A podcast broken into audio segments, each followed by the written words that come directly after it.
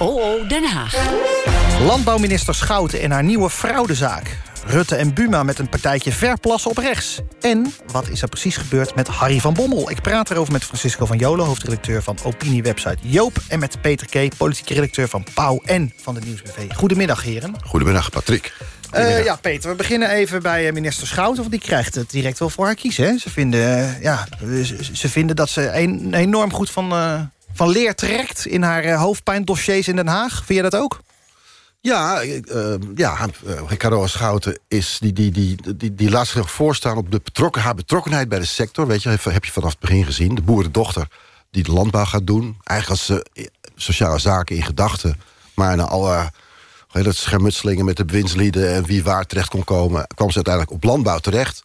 Nou, en vicepremier. Ze heeft status in Den Haag. Ze heeft die formatie heeft ze, uh, heel goed gedaan. Um, ze wordt gezien als een talentvol politicus... en een belangrijk politicus inmiddels natuurlijk. Um, en dan, hup, meteen ging het los. Er was een mestfraude toen het net was begonnen. En nu die fraude rond die uh, koeien. Um, en je ziet dat ze erin vliegt als er wat mis is. En ik denk dat ze nog heel veel gaat tegenkomen... want er, is veel mis in die sector... Maar wat ze wil laten zien is dat ze, dat ze dicht bij die sector staat... maar dat ze ook heel streng is. En dat is, uh, nou, wat ik zag een aantal quotejes bij uh, Nieuwsuur... en dan inderdaad, ze is echt vinnig, ze is echt pittig. Ja, nou ja, dat is, dat is wat ze in gedachten hebben.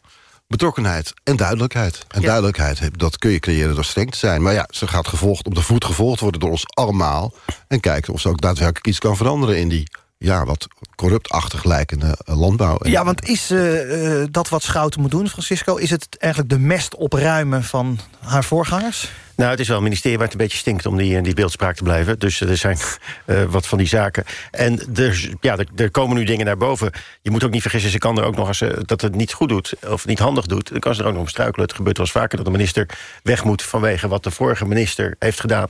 Dus daar moet je ook nog mee oppassen. En aan de andere kant, met dat duidelijke taal... er is met dat rare ministerie natuurlijk wel wat raars aan de hand. Hè. De afgelopen 50 jaar heeft daar altijd CDA'ers gezeten. Af en toe met dat korte tussenpozen. Onder Paars bijvoorbeeld zaten daar ineens andere mensen. Want toen zat het CDA niet in de regering. Ja, en dat was ook een grote schrik. Sharon uh, Dijksma heeft ook gezeten. Sharon Dijksma, maar de, de, ding is, Laurens Jan Brinkhorst... misschien als je de, de, de tv-archieven nog terug gaat kijken... die had toen ook van die uh, sterke taal. De boeren schrokken zich een, rotje, wat, uh, een hoedje... want dat hadden ze nog nooit meegemaakt. Dat iemand zei dat hij de wet ging handhaven. Dat was ook helemaal niet de bedoeling. En je ziet dan wel, dat is natuurlijk een bastion... dus je kan wel makkelijk ferme taal uitslaan. Uiteindelijk gaat het erom, krijg je het ook werkelijk voor elkaar... om dat uit te voeren. Maar Peter... Nou, dit was grappig, want dit was We zijn een boerendochter. Dat, is toch, dat, dat, dat schept toch wel een, een, een band. Mensen vertrouwen haar dan toch wel meer... omdat ze veel meer weet van de sector. Ik, ik denk dat dat ook ontzettend gaat helpen. En ook ChristenUnie niet. Ik bedoel, dat is ook een partij die zich altijd heeft laten gemanifesteerd... als beschermelingen van de, de landbouwsector en de boeren en tuinders. En uh, dit was een eigen rapport van het ministerie. En ja, dan kun je zeggen van... nou, we gaan dat een beetje langzaam naar buiten brengen. We gaan er vast een beetje repareren. Maar bedoel, ze hebben dat gewoon meteen naar buiten geknald. En ook meteen gezegd van, we gaan die maatregelen opnemen. Nou, dat lijkt me de meest verstandige manier om het te doen. De boeren zijn gewaarschuwd. Dan is er nog een ander groot thema in Den Haag. En dat is het beeld van uh, Johan Maurits... dat uit het Mauritshuis zou zijn verwijderd. En Rutte maakte daarover een slippertje. En jij hebt even rondgevraagd hoe dat precies gegaan is, hè? Ja, dat was heel aardig. In het oog op morgen ging uh, Rutte aangeven... Dat, het, uh, dat hij niets voelde voor een beeldenstorm. En dat hij het maar niks vond dat, dat, dat als ze dat beeld van Maurits... uit het Mauritshuis verwijderden... moesten ze ook de naam maar, maar veranderen. En dat was het moment dat zijn buurvrouw... de dame die naast het torentje uh, de directeur is, dacht... kom, nu wil ik ook wel even de publiciteit zoeken... want er zijn nu zoveel misverstanden ontstaan over dit uh. Onze premier die, die vergist zich helemaal, die heeft helemaal geen goed beeld wat er gebeurt. Dus die is zelfs gaan rondbellen om het nummer van Buitenhof te krijgen.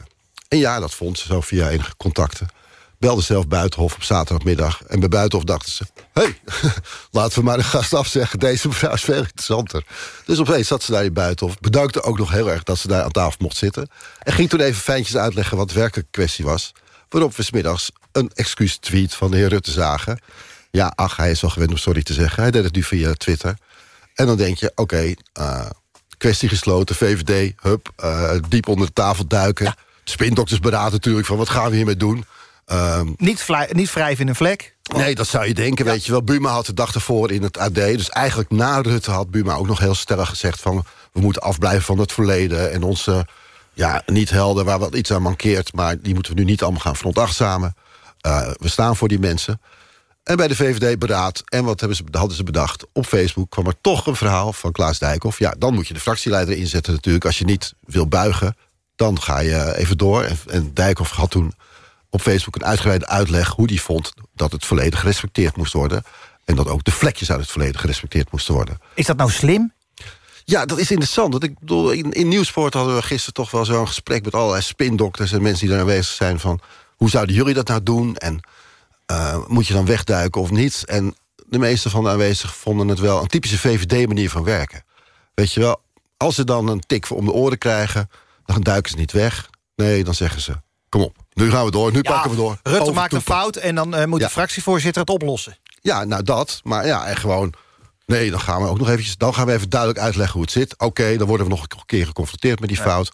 Maar wij duiken niet weg dit is ons verhaal, hier staan we voor... en het werd wat beter uitgelegd. Door Francisco, hoe kijk jij naar deze moderne beeldenstorm... onder aanvoering van de nou, VVD en de, de beeldenstorm is een rechtsdingetje... en dat is eigenlijk over de hele wereld. Ik mag in herinnering roepen, toen Trump eh, president werd... Eh, zei hij dat Obama de buste van Churchill uit het Witte Huis had verwijderd. Groot schandaal, bleek ook gewoon helemaal niet waar te zijn. Dat is dit ook weer. En ik constateer dat de VVD iedere keer als ze over dit, zich op dit punt uh, profileren... eigenlijk elke keer de plank misslaan met fake news. Of het nou Zijlstra is die het heeft over siliconenborsten... waarvoor vluchtelingen naar Nederland komen. Zijlstra was het beste over Zwarte Piet vorig wat, jaar. Dat, wat dat gaat hij zich, nog steeds voor. Maar... premier Rutte die zegt dat hij uh, nooit kerstkaarten verstuurt... met de uh, prettige feestdagen. Terwijl iedereen in het archief kan zien dat, ze, dat hij die altijd verstuurd heeft. Uh, en nu weer dit. Gewoon dingen verzinnen. Meestal wordt dat onder leiding van de Telegraaf gedaan. Je ver, er is iets verzonnen en daar ga je op reageren. En dan ziet dat ook weer in de reactie van Dijkhoff... als je die op Facebook leest. Hij geeft dan zogenaamd repliek op zijn tegenstanders... en zegt daar allemaal dingen die die tegenstanders nooit beweren. dus... Hij zegt wel, er moet over gediscussieerd worden. En die discussie is goed om zo meer van onze geschiedenis uh, te weten te komen. Ja, maar hij vindt ook dat... hij doet alsof die tegenstanders de geschiedenis willen uitwissen. Die tegenstanders willen juist over de discussie... Uh, uh, die willen juist die discussie. Het is de VVD die die discussie niet wil... op het moment dat jij het verleden gaat oprakelen. En dat is natuurlijk niet alleen de VVD, dat is een typisch Nederlands dingetje. Ga je de mensen op straat vragen over de geschiedenis... van de, de, de Indonesische onafhankelijkheidsstrijd, de politionele acties. Niemand weet daar wat van, want daar hebben wij het nooit over. Daar zijn een heleboel nare dingen gebeurd. Eh, we hebben kapitein Raymond Wesseling, een oorlogsmisdadiger... waar we het eigenlijk nooit over gehad hebben. Altijd een beetje uh, Nou, stel dat je nou een school naar hem zou vernoemen... dan zou je het er toch wel eens even over kunnen hebben. Wat heeft die man daar uitgevreten? En dat geldt voor dit soort dingen ook. Nee, ja, neem het nu verdraaide toch discussie een beetje. Want je zegt de tegenstanders willen die discussie. Dat is natuurlijk niet waar. De tegenstanders willen dat de JP Koen, eh, de, de Koentunnel wordt, wordt hernoemd... en de, desnoods de Francisco van Johan-tunnel wordt genoemd. Dat de bespottelijke naam zijn over. Nou, volgens mij gaat het erom dat, het, uh, dat iedereen wil... dat het van meerdere kanten wordt bekeken, de geschiedenis. Er wordt gewoon gezegd, de JP Koetunnel is vernoemd. Nee, dat doe je om iemand te eren. Is dit een persoon die de moeite waard is van te eren? Dan zou je denken, nou, ze zeeheld, of, of dat is een, een historisch figuur. Nou, laten we dan eens kijken naar wat hij allemaal heeft uitgesproken. En dan zitten er dingen aan waarvan je denkt, nou, is dat wel iets? Zijn er niet betere mensen om uh, te eren? Er zijn in Nederland... Dus moet je dan een naamsverandering doen? Nou, dat gebeurt heel veel. Ik Daar gaat de discussie over. Maar goed, laten we verder gaan. Want er gebeurde nog iets opvallends gisteren bij Jinek. Want Dijkhoff werd daar nogmaals gevraagd... of hij de samenwerking tussen de VVD en de PVV uitsloot. En dat deed hij niet. Ja, het ligt ook niet heel erg voor de hand. Maar iemand kwam naar me toe en die zei, sluit u het uit? Ik zeg, nou ja, ik niet, want ik zit niet in de lokale politiek. En ik vind dat onze afdelingen die zijn uh, vrij en wijs genoeg om zelf daar keuzes in te maken. Dus ik sluit ook niet uit dat zij ze wel uitsluiten, maar dat is dan een lokaal besluit. Ja, wat is overgebleven van wij besturen niet met de PVV... zonder dat zij de minder, minder, minder uh, uh, uitspraak terugnemen, Peter? Nou, wat ze bij de PVV... De, de, de CDA en VVD hebben voor, in, tijdens de formatie... Hebben ze een, een, verhaal moeten maken waarom ze niet met Wilders wilden samenwerken. Dat hebben ze op papier moeten zetten voor Cenk Willink. Cenk Willink wilde een motivatie hebben. Waarom sluiten jullie de PVV uit? En daarbij hebben ze heel specifiek geweest op de persoon Wilders. Dus het ging hen om Wilders, die onbetrouwbaar was. Die op momenten het torentje uitliep dat, die, dat er beslissingen moesten worden genomen. We willen niet met Wilders samenwerken. Dat, dat is wat ze benadrukten. Ook de man van de minder-minder uitspraken. Um, en daarnaast is het zo dat die lokale afdelingen inderdaad uh, meest over hun eigen zaken kunnen gaan. En dat, dat met name bij zo'n partij als het CDA zijn de lokale afdelingen hebben, hebben veel voor het zeggen. Uh, het CDA had al een dag eerder gezegd... van wij werken niet met de PVV samen. Uh, een VVD kan dan natuurlijk niet zeggen... nou, wij, wij uh, wat had de CDA had gezegd van... nou, wij zijn, we laten de lokale afdelingen of ze willen samenwerken.